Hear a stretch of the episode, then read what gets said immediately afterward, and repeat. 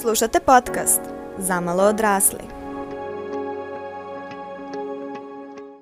Zdravo svima i dobrodošli u podcast Zamalo odrasli.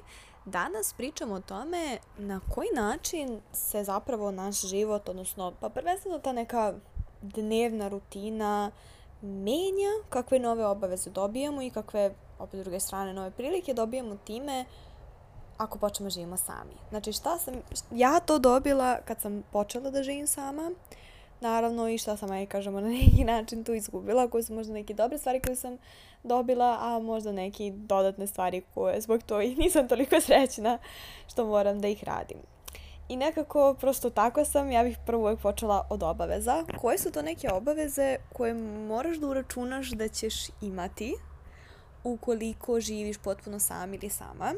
Naravno, ukoliko imaš cimer ili cimerku, nebitno da li ti je to partner ili prijatelj ili prosto cimerica ili, ili cimerka, naravno neke od ovih stvari mogu da se umanje, negde tu može da se smanji teret, ali i dalje nije isto kao kada prvenstveno živiš sa roditeljima koji svakako preuzimaju, uglavnom, najčešće, uh, ipak neku veću ulogu u tom održavanju domaćinstva.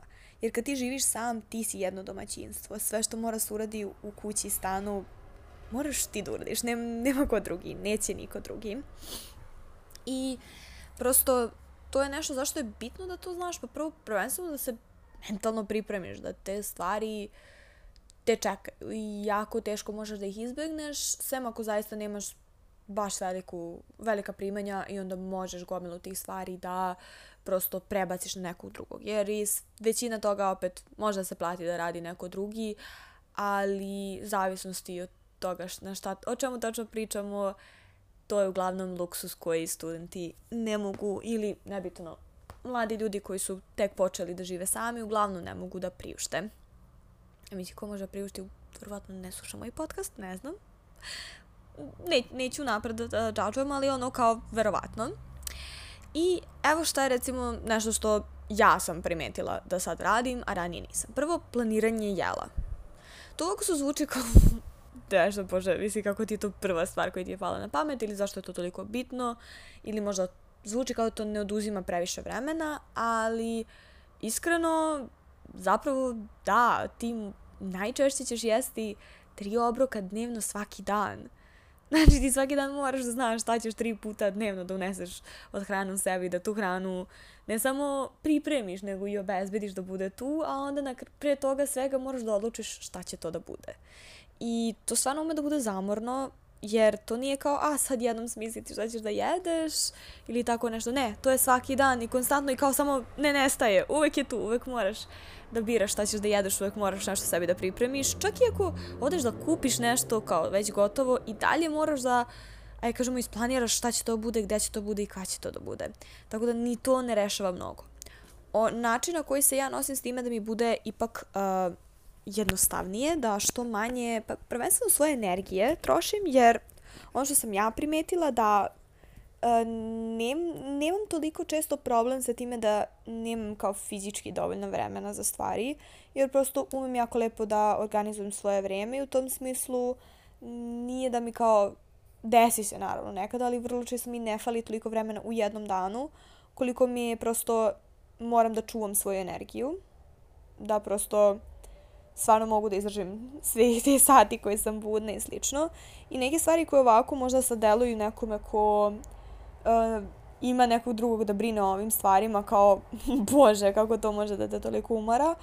Ali sve te male odluke koje stalno moraju se donose jesu nešto što crpi, to je konstantan taj, kažemo, umni rad koji moraš da trošiš da se setiš uh, šta možeš da jedeš, da iskombinuješ, da ti ništa ne propadne u frižideru, uh, da ipak ne jedeš isto svaki dan, da uračunaš u to da li imaš vremena da nešto spremiš, uh, kako bi možda nešto što kupiš moglo ili mogla da iskoristiš za više obroka, uh, da li možda ti treba neki obrok koji moraš da nosiš iz kuće sutradan ili slično, zato što, ne znam, imaš neke obaveze tako da ne možeš da stigneš da ručaš kod kuće i gomila još faktora koji sve to čini mnogo komplikovanijim od e, imam meni ispred sebe i treba kažem da li hoću da izaberem uh, kapričozu ili uh, margaritu. Mislim, u tom smislu to stvarno pogotovo kad se radi konstantno, ume zaista da umara. I ono što ja radim da bi, kažem, sebi to olakšala, ali do duše moram priznati da sam to radila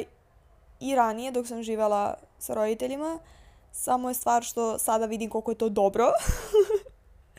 A to je, uh, ja jedem istu stvar za doručak.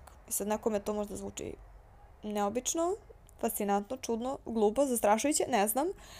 Ali kao, ja manje više svoj doručak, mislim, ja sam stvarno kao preko deceniju i po jela istu stvar za doručak. Malo sam menjala, ali na kraju krajeva isti je koncept, a to je nešto sa mlekom, da će to budu neki musli, neki jastučići, neke pahuljice, nešto tako. Uglavnom nešto prvo što je vrlo jednostavno se spremi i jer sam ja doručak samo i sebi spremala kao dosta, dosta mala, jer šta tu ima toliko teško, treba samo da imaš motoričku sposobnost da sipaš šta god je to iz kese i da ili kutije i da dodaš odgovarajuću količinu mleka i to je to.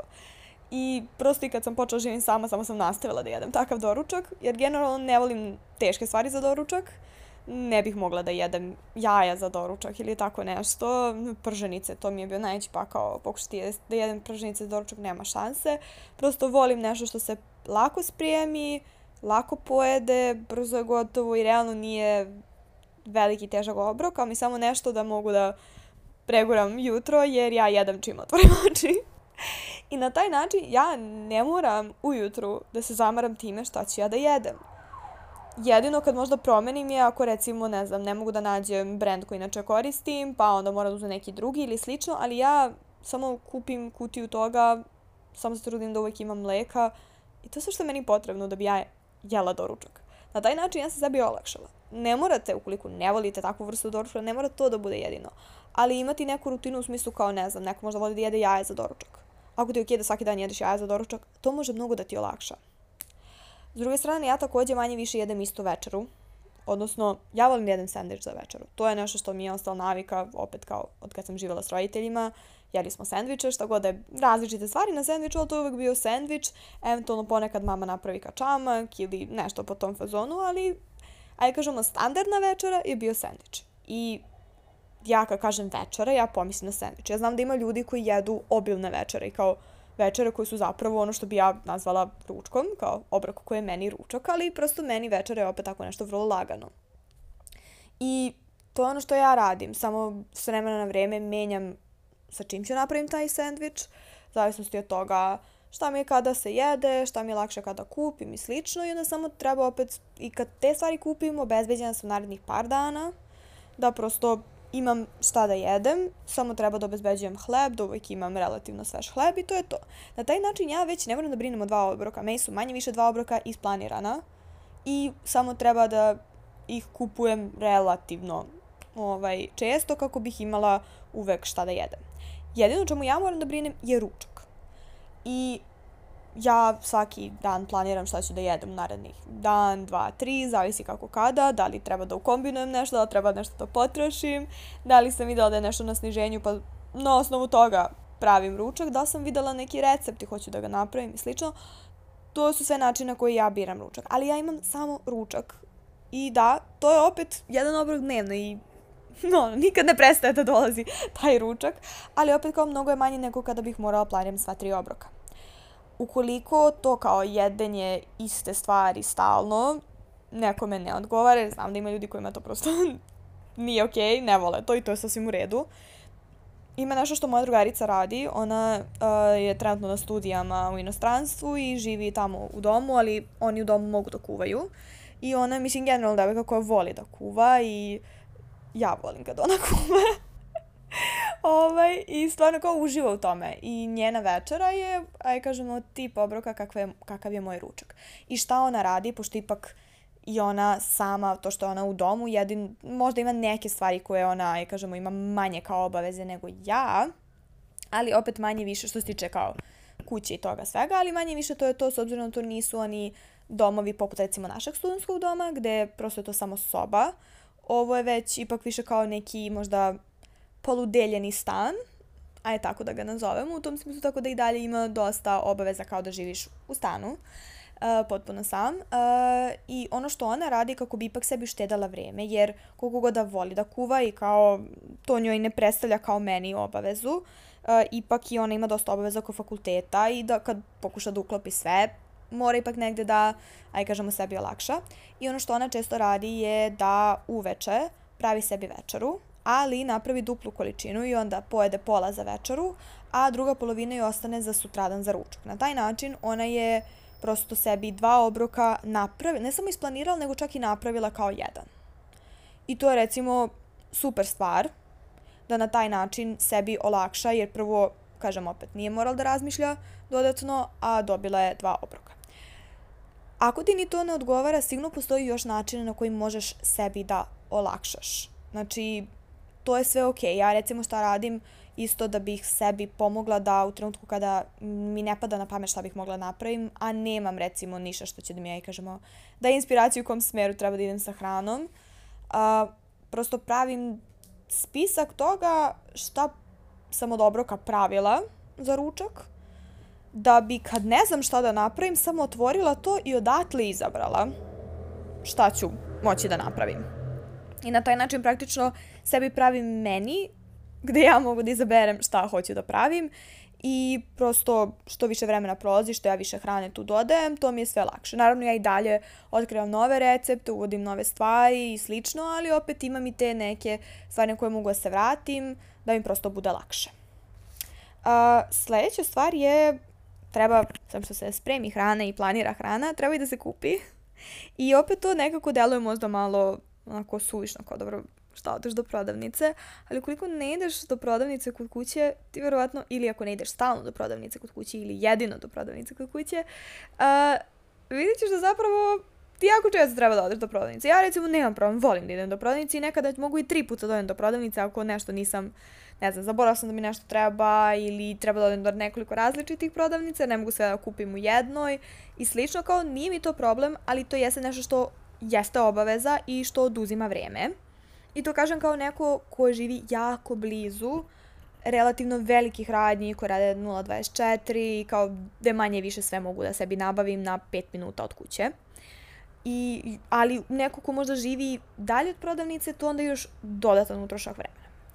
Moja taktika što se prodavnice tiče je, s obzirom da ipak živim sama i imam jako mali frižider, ja vrlo često idem u prodavnicu. Zašto? Pa zato što uglavnom kupim za samo par dana, nekada je to tako za jedan, dva dana, jer em što ja to sve moram da nosim ručno, mislim kao, ne, ne, nemam čime drugim da odem do prodavnice, jer su blizu, ali opet kao meni ako natrpam puno u kese, stvarno možda bude teško, jer opet kažem, najčešće idem sama do prodavnice. Uh, samim tim gledam, znači da se ne pretovarim, jer lakše mi iskreno da odem dva dana u prodavnicu nego da odem jednom i da se natovarim kao magare. A, a s druge strane opet kao za gomilu stvari mi se ne isplati da sad ja natrpam ne znam, ne znam hranu za narednih nedelju dana kad ja nemam to baš efektivno nigde da stavim. Ja nemam pravi zamrživač. Drugo, ja dosta jedem svežeg povrća i samim tim se trudim da to povrće bude, mislim, što svežije, da mi što manje stoji. Uh, i zbog toga, opet kažem, uglavnom kupujem stvari u manjim količinama, koliko god da to malo može da bude. Stvari koje kupujem u većim količinama su uglavnom one koje ne moraju stoji u frižideru i koje nemaju baš neko krat, kratak rok trajanja. Ali dalje, kažem, ja u prodavnici ne kupim puno odjednom. To je moja taktika, meni to odgovara i ovo su razlozi zašto mi to odgovara. Nekome će možda više odgovarati da ili kolima ili ne znam sam ili sa onim nekim kao kolicima, onim kao za pijacu, uh, ode do prodavnice jednom nedeljno i da ne trpa stvari. Jer recimo koliko ti treba par stanica busem do prodavnice neke veće, pa onda nećeš kao ja da trčkaš u prodavnicu stalno. Ili ukoliko možeš da nosiš više, ili ukoliko bi u prodavnicu išao kolima ili išla kolima.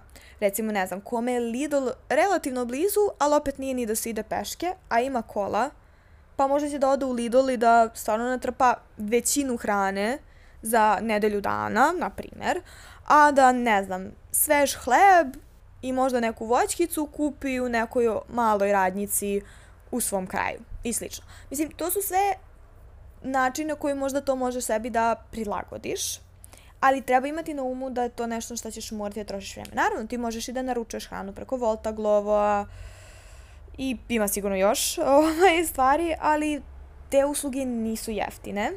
Ja sam recimo koristila jedno vrijeme, uh, sad ja ne znam da je to bio Glovo, verovatno Glovo, da mi donese posip uh, za moju mačku. Zato što taj posip ima tipa 8 kila i ja sam shvatila da je meni jako teško, iako je DM u kome to kupujem opet jako blizu moje kuće.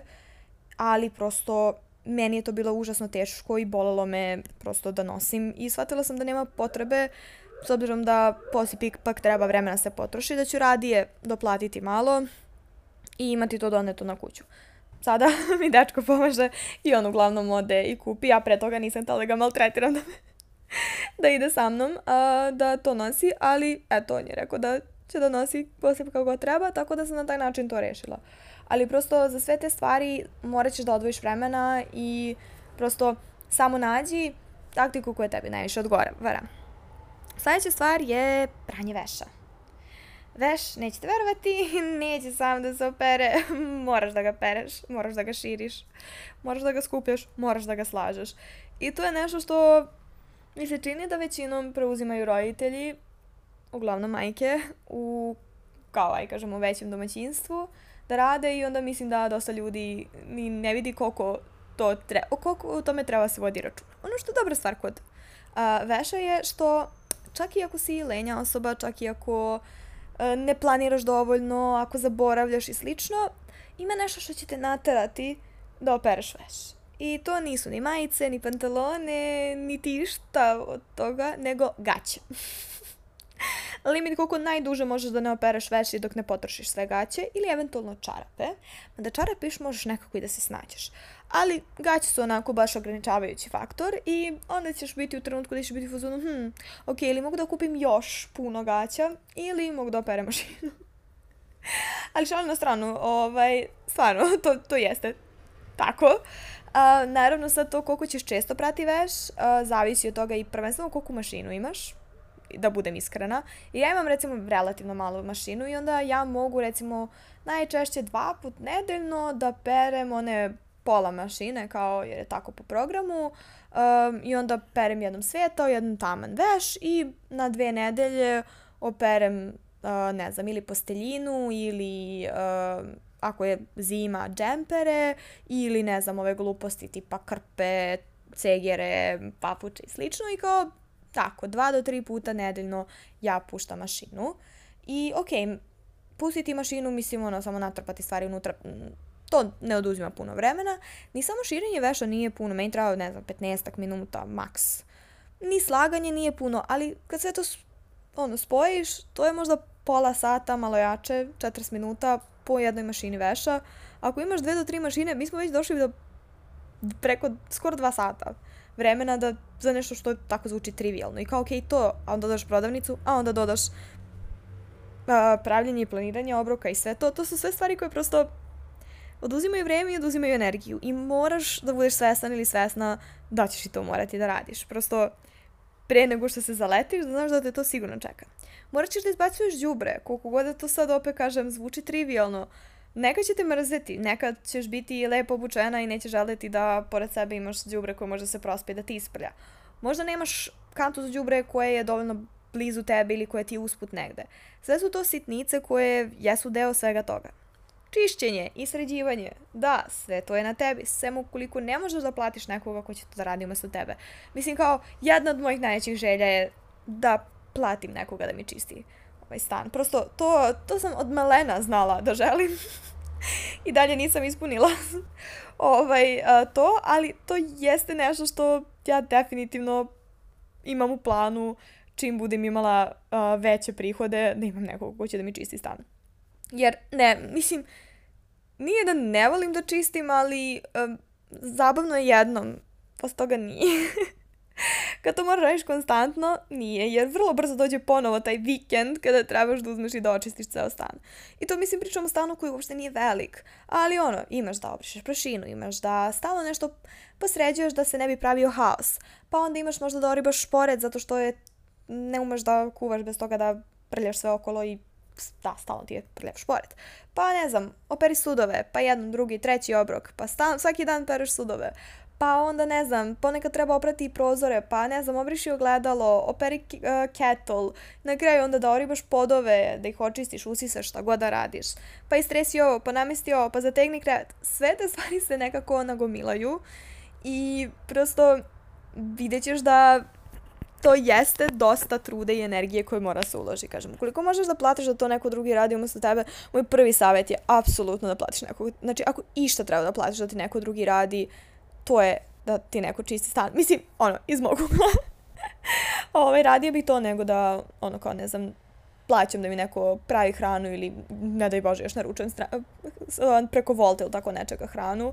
Znači, definitivno da mi neko čisti stan bi ovaj, stvarno olakšalo meni u mom životu. Uh, u i takođe mašina za sudove. U to mm, da mogu, da mogu da kupim da je stavim ovde, stavila bi je. Ali dobro, to su sve neke stvari na koje moraš da se pripremiš da te čekaju. Što se tiče, uh, kako bih rekla, čišćenja, pošto čišćenje stvarno, mislim, oduzima dosta vremena, mislim da budem realna, stvarno treba vremena.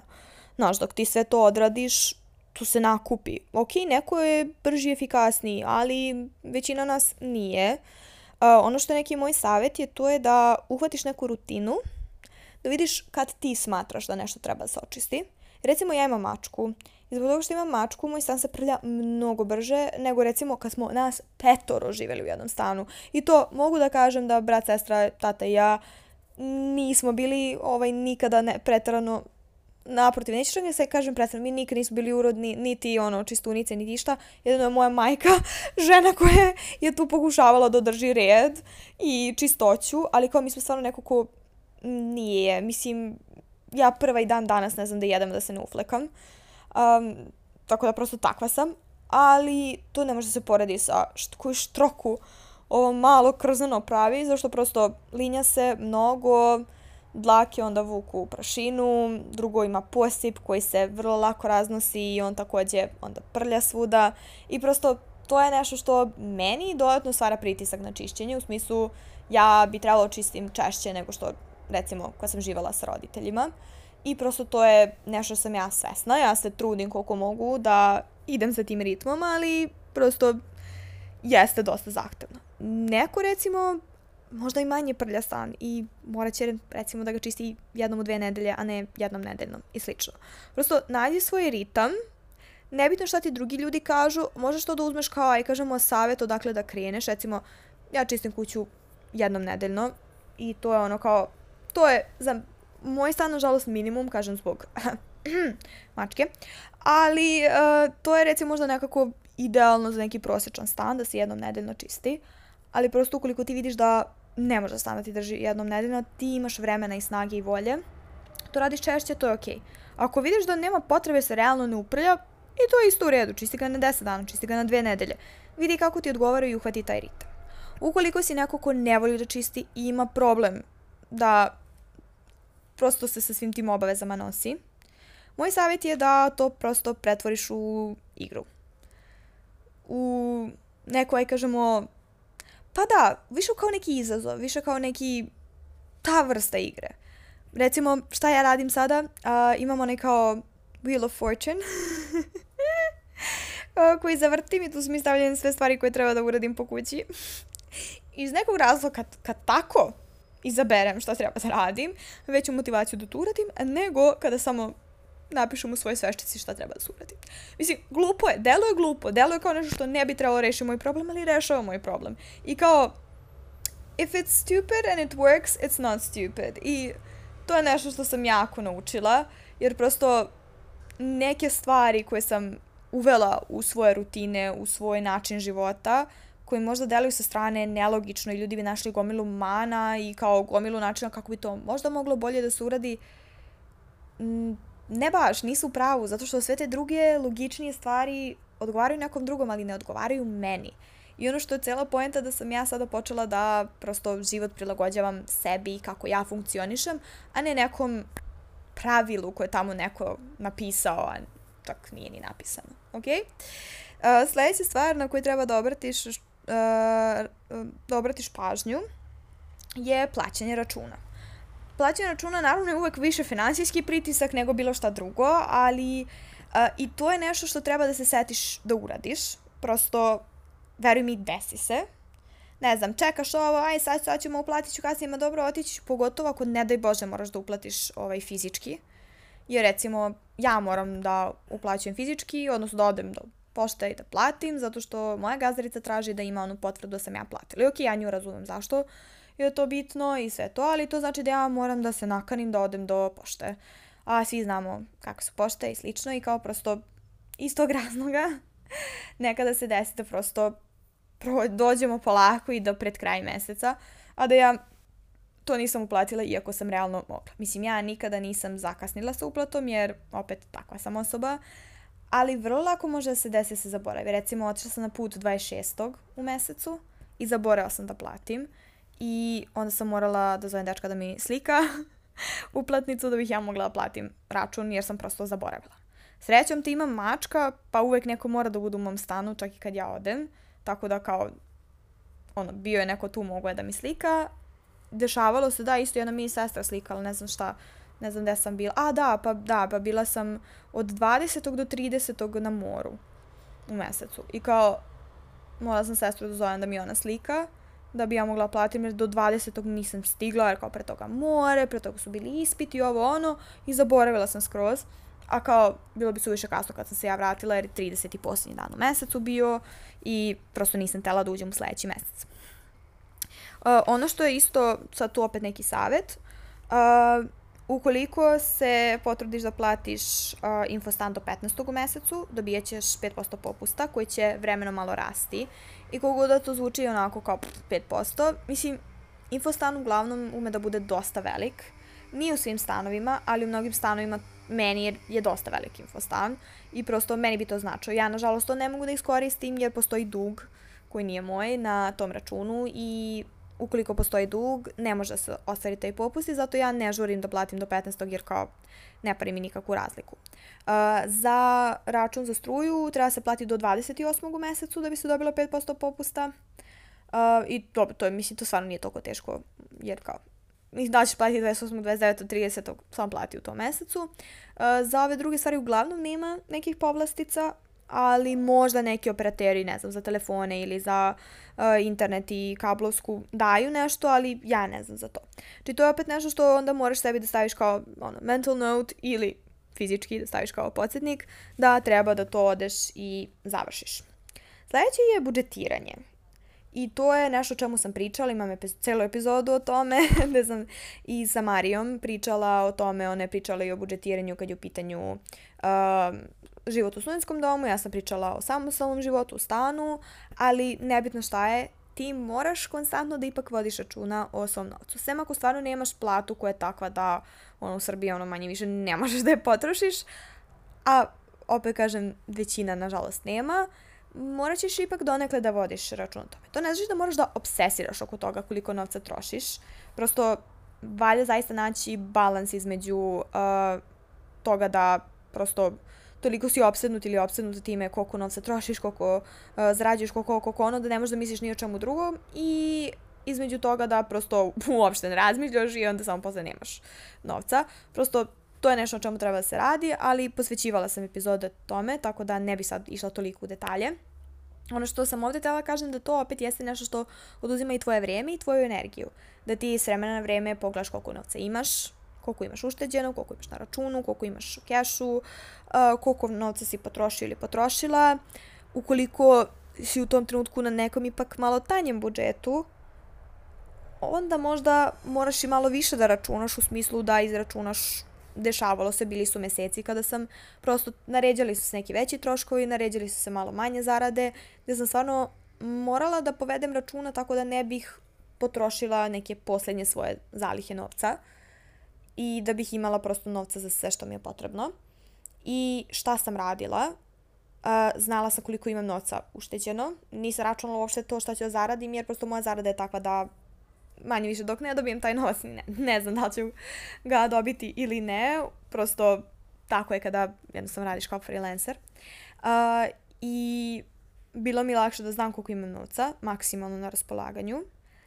I da onda izračunam koliko imam za šta, aj kažemo, da odvojim.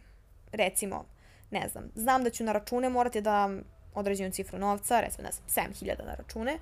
Mislim, ja ću morati toliko da dam i to će, taj trenutak će doći. Znači, ja znam da već, ako imam, ne znam, 300 evra, i od 300 evra već moram da oduzmem 7000 i da te 7000 ne može da ode ni nešto drugo. Ako znam da moram da jedem svaki dan, znam otprilike sa čime mogu da prolazim bez problema, što se tiče obroka.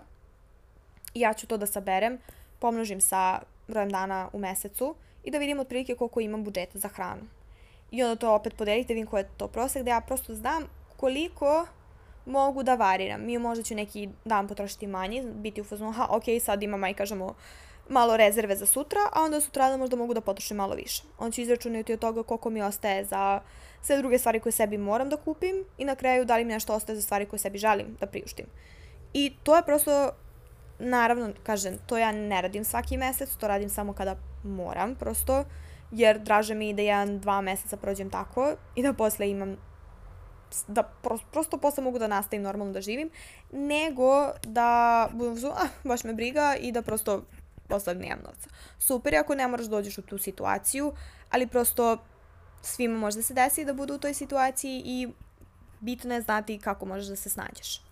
Čak i ako ne radiš tako, ipak neka vrsta budžetiranja, da znaš da li imaš možda za neke dodatne troškove, možda hoćeš da kupiš telefon, možda hoćeš da kupiš laptop, kompjuter, auto, možda hoćeš sebi da obezbediš neko putovanje, letovanje, nešto. To su sve stvari za koje možeš da vidiš da li imaš novca i sve to, aj kažemo, oko novca, ipak je nešto što troši tvoju energiju ko čega moraš da brineš. Nije isto kada ti svoj novac trošiš samo, recimo, ne znam, na uh, svoje izlaske, rođendane svojih drugara i cigare uh, i kada moraš da trošiš i za prosto svoju egzistenciju. I to je samo nešto na što treba se pripremiš da to jeste neki mentalni napor koji ćeš morati da s vremena na vrijeme prosto upotrebiš. Ali nije sve tako crno, nema samo loših stvari. To su sve obaveze koje je jako bitno znati da ih ima, ali prosto postoji mnogo, mnogo dobrih razloga i mnogo dobrih stvari zbog kojih je super živeti sam. A to je prvenstveno da se prilagođavaš sam sebi. Kao što sam rekla, prosto I to ono što je možda jako bitno, mi kad dođemo iz svoje porodice i počnemo živimo sami, prosto imaš neke naučene stvari kao kako se nešto radi. Ja sam većinu stvari naučila od svoje mame kako se radi. Neke stvari svesno naučila, u smislu mama me stavila i rekla Milica sad ćemo naučimo kako se širi veš. I ja tako širim veš. Ne do bog da pokušaš da širiš veš drugačije, ne može veš se širi kako, kako je meni moja mama rekla. Ok? uh, I to je nešto sa čim ti kreneš u samostalni život. Naravno, postoje neke stvari koje, nažalost, naučimo i nesvesno. Vrlo često su to, recimo, loše uverenja o novcu ili prosto neke stvari koje ti ostaju prvenstveno data, uverenja koja ne, najčešće nisu dobra. Pogotovo mi ovde na Balkanu imamo dosta toga što vučemo kroz generacije, što možda baš i nije najbolje. I što generacijama polako popravljamo. I to je prosto, mislim, uverenje i ono kad ljudi, ima toliko ljudi koji ono ako ne pojedu sve iz tanjira, neće da ustanu sa stola. Moje mišljenje o tome je dosta često mišljenje koje se ne poklapa sa drugim ljudima. Ali ja, recimo, nisam tako odgajana i ja to ne nosim iz kuće, ali mnogi ljudi nosi iz kuće. I prosto, to je nešto što ćeš ti tek kad kreneš da živiš sam ili sama, da vidiš prosto da li je to nešto sa čime želiš da nastaviš da živiš ili ne. Ja recimo i danas širim veš kao što je moja mama širila, jer sam shvatila da je žena u pravu i da zaista je to najbolji način da širiš veš. Prosto tu nemam zamerke. Ali neke stvari radim drugačije. Prosto, evo, nešto što sam ja skoro uvela i za sada sam oduševljena time, to je, znate svi onu poznatu stolicu za nošen veš. Ono nešto što obučeš, ali nije još uvek prljavo da baciš na pranje, ali nije ni čisto staviš u orman sa čistom odećem, jel tako? I da ćeš da staviš na stolicu. Ja takođe zovem Chair of Doom, jer uh, prosto ono ponekad sam u fazonu, ja ne znam kako fizika i dalje funkcioniše na ovoj stolici. Mislim da je fizika odavno napustila ovu stolicu, s obzirom da nema šanse da sva odeća može da se tu balansira. I nažalost ja prosto imam tu lošu naviku da ja ću tu da Ja ću da uzimam stvari odatle, ali nekako će magično se stvara nenormalnom količinom tu odeće. I to prosto nije mi smetalo kad je to bilo u mojoj sobi, ali vremenom ovde ovako u mom stanu je počelo da mi smeta i shvatila sam da bilo koji moj pokušaj da ja ću sad kao da vodim računa šta oblačim, pa kao kako da kombinujem da tu što manje imam stvari, da to odmah sledeći put obučem, pa bacim, bla bla, sve one stvari koje mi je mama pričala kako da to sve smanjim, mm, nije uspela. Mislim, ja verujem da njoj uspeva, međutim meni ne uspeva. I ja sam shvatila da to ne može tako i da to očito za mene nije rešenje. I onda sam videla na Instagramu devojku koja je iznala svoje rešenje za taj problem, a to je a, nabaviš kutiju sa sve pogledom. Znači kutija koja može da se zatvori. I tu stavljaš taj veš. Sad neko će kaže, pa da, ali onda znaš to je veš koji ipak noše, možda može da neprijatno miriše, drugo zaboravit ćeš, kutija je zatvorena, ja biće izgužvano, bla, bla, bla. Sve je to jako lepo, ali sve to isto može da mi se desi i kada stoji na stolici. Naprotiv, stolice može i da padne prašina, mačak leži na tome, pada hrana jer se ta stolica nalazi vrlo blizu onoga da ja zapravo kuvam. Znači, hiljadu stvari može se desiti sa time i grozno izgleda. I prosto pravi haos u kući. Ja sam otišla u Pepko, kupila kutiju za 600 dinara, to je ona rasklopiva kutija, ima poklopac, ima čičak, savršena i tačno staje ispod stolice, the chair of doom. Znači, ispod te stolice staje. I sada, Prvo, imam ograničenje koliko odeće tu mogu da držim, jer kutija ima svoju veličinu. Kada dođem do toga da je kutija puna, nešto tu ne valja, znači moram, moram da prebiram odeću. Drugo, znači više ne izgleda ružno. Ne pada ništa dole, ništa ne pada po tome. Ok, mačak i dalje leži na kutiji, ali bar ne leži u kutiji, jer kao, zatvara se. Znači samim tim moja odeća je zaštićena ja sam na taj način rešila svoje, ja više ne moram se zamaram time. Ja znam sada gde mi je odeća, ja ne moram da je stalno gledam, ne mora da smeta tu, ne mora da izgleda ružno, ne mora da se prlja, ne mora ništa, a ja sam svoj problem rešila. E, to je upravo ono što možeš da uradiš time što živiš sam ili sama. Ti možeš da vidiš koji su načini na koji ti možeš da funkcionišeš kako treba, ok? Znači, prilagođavaš se sebi. Da, dolaziš sa nekim, aj kažemo, pucom za upotrebu, od svojih roditelja. Možda čak i od mene. Mislim, ja sam podelila dosta saveta i kao neko će možda otići i ugledati se na te savete. To ne mora znači su moji saveti svi dobri. Odnosno, svi ti saveti su dobri za mene, ali ne mora znači da su za svakoga. I to je cijela poenta, da ti dođeš i vidiš kako tebi odgovara da vodiš stvari. Neke stvari ćeš, kažem, videti i shvatiti da je osoba od koje si to naučilo ili naučila ovaj, radila kako treba. I bit ćeš u fazonu, mm, da, approved a za nešto ćeš da kažeš, ok, ovo ne valja, hajde da nađemo neki drugi način. I to je ne samo za gluposti poput nošenog veša, to možeš da uradiš za sve. To je i za uverenja o novcu, znači način na koji ti postupaš sa novcem. To su za način na koji ti komuniciraš sa drugim ljudima. Ti toliko toga možeš da promeniš time što prosto promeniš lokaciju i imaš nekako veću kontrolu nad prosto svojim životom. Možeš da upravljaš svojim životom u potpunosti. Drugo, mir i tišina. Ja dolazim iz velike porodice, naravno ima većih, ali boga mi ima mnogo više manjih. Uh, I prosto mi smo, ne samo što smo velika porodica, nego smo mi kao po defaultu bučni. Mislim, meni je stvarno zaista žao, ali mislim, vidite koliko ja pričam i vidite kakav ja glas imam. Samo ću vam reći da i moj brat, i moja sestra, i moja majka pričaju na isti način i svi imamo iste glasove, različite fontove. Ali bukvalno. Ne zna se ko je glasniji, ne zna se ko više priča, ko brže priča i ko više smara od nas. Stvarno smo, prosto takvi smo. Svi smo takvi. Um, I prosto kod nas je uvijek bilo bučno. Znači uvijek je neko pravio haos, uvijek, uvijek se nešto čulo. Nije postojao minut mira i tišine u toj kući. Još su se kao, svi su se budili u različito vrijeme, svi smo išli u krevet u različito vrijeme, svi smo različite stvari radili. Znači, koliko god nebitno, čak i kad smo živjeli u 100 kvadrata, i dalje je bilo uvek bučno. I moram priznati da a, novootkriveni mir i tišina kad sam počela živim sama, bilo je neverovatno, stvarno. Plus moja mačka je, mislim, neke mačke su bučne. Moj mačak je bučan samo kada tipa odluči da iz nekog razloga želi da lista svesku. Ne znam, ne, samo kao lista svesku. Ali generalno ne mjauče često, vrlo malo, tipa dva put dnevno se oglasi i slično, tako da meni je stvarno te tišina. Meni buku sada pravi spoljašnjost, a ne unutrašnjost. I kao, ok, da, nekada to moram da regulišem muzikom ili, ne znam, pink noise-om ili nečim, ali zaista pomaže kada, ne znam, ujutro se ne probudi ništa i slično. Ili tipa uveče možeš da odeš da spavaš na miru. Ili prosto imaš težak dan i možeš da budiš u miru i tišini. neverovatno je, stvarno. Stvarno neverovatno. A, sledeće, možeš da odlučiš um, prosto da neke stvari prosto da, radiš kako ti želiš. I to je dosta bitno da prosto imaš tu slobodu. I to je vezano za sve. Znači, za sve što radiš, jer prosto imaš tu slobodu. Ono što recimo meni možda zanimljivo, je to se moram da podnem, sad mi je palo na pamet, jer kao možeš kao da odlučiš sve i svašta. Čovjek bi rekao da prosto ja dok sam živjela s majkom imala sam uglavnom ograničenje da moram do 12 sam, da sam kod kuće. Jedino kad nisam morala budem do 12 uh, kod kuće, tipa kad sam mi objasnila da 18. rođendani počinju 11 i da nema, ne mogu da se vratim kući do 12 i slično.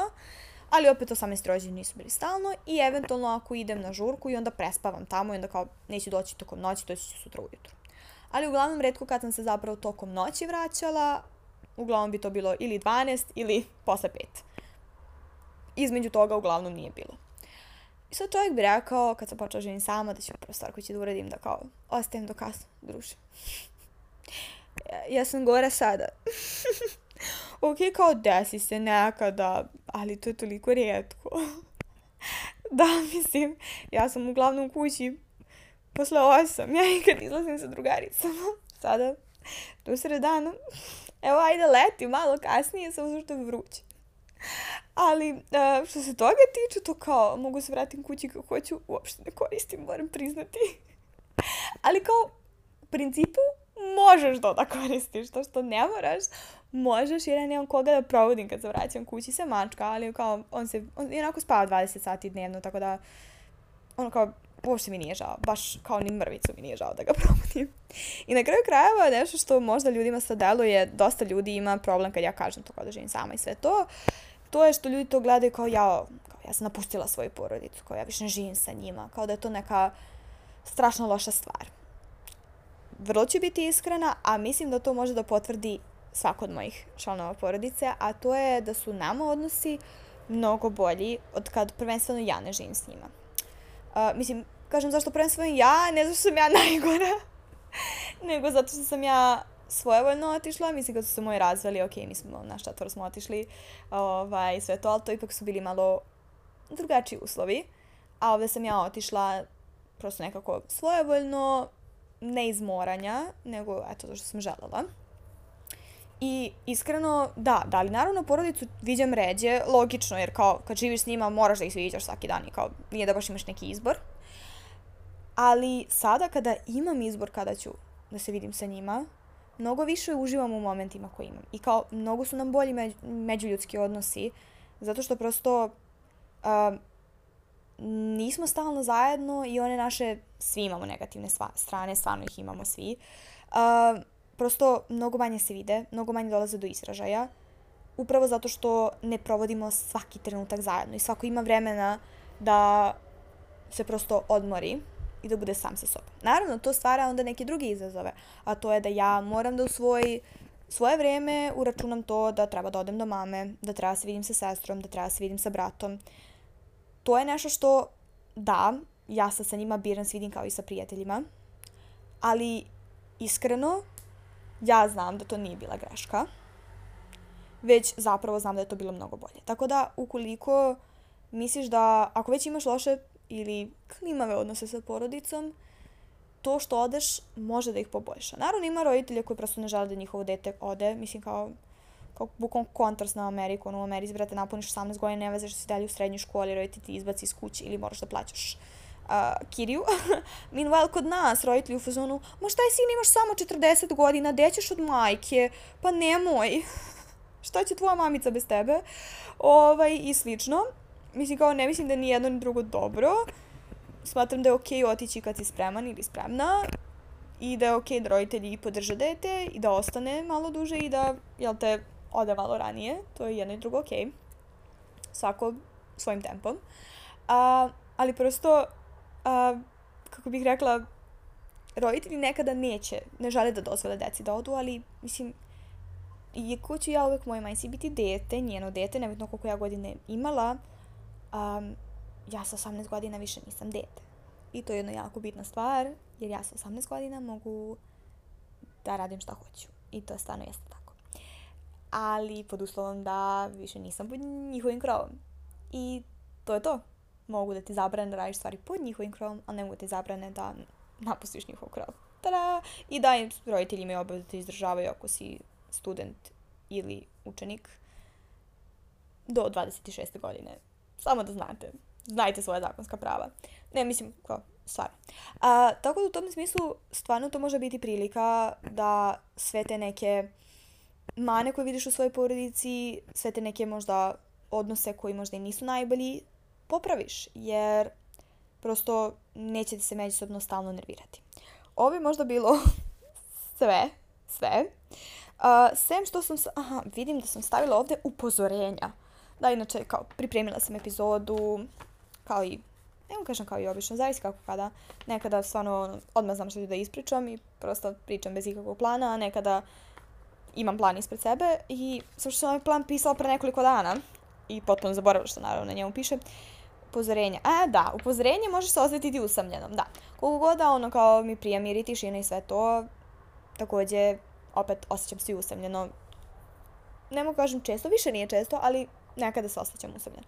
Ono što definitivno znam da je mene spasilo, jer kao, prosto, kad i radiš i studiraš, još i kad je bila pre toga korona, jer pa ja sam se oselila sred 2020. Kao, iako je prošao karantin, to je i dalje bio period kad se mnogo manje izlazilo, mnogo manje išlo na faks, mnogo manje bilo ljudskog kontakta. Znači, prosto ono što može se desiti je da se osjećaš usamljeno, ono što je mene spasilo je mačak. Kogu da moj mačak nije ona klasična umiljata Instagram mačka, znači bukvalno naj ne fotogeničnija mačka ikada. Šalim se, sladak je on, ali, ali ne bi nikad mogla zaradim pare od Instagram profila na njegovo ime. Jeste mi pomoglo dosta ali mi je pomoglo da shvatim da mi je ljudski kontakt potreban i da zbog toga što ja nemam default ljudski kontakt, za razliku od toga kad sam živela s nekim, gde ono, čim otvoriš oči neko je tu. I makar to bio negativan kontakt, imaš kontakt s ljudima, da prosto ja moram svesno da planiram ljudski kontakt. Nekada će to biti nešto jednostavno kao reći dobar dan prodavačici, a nekad će to biti da se vidiš sa prijateljima ili sa porodicom. I prosto samo se pripremi da to može da ti se desi, ali imam i cijelu epizodu o tome. Sve epizode ću linkovati koje mogu da vam pomognu. Ću linkovati u opisu i prosto ono, nemoj da budeš obeshrabljen i obeshrabljena, samo mnogo je bolje kad si pripremljen i, i znaš šta te čeka. I to upravo ono čemu ova epizoda služi. Da budeš pripremljen ili pripremljena, da posle ne bude jao. Eto, to je neki moj mali doprinos svemu ovome. A do sledeće epizode slušamo se.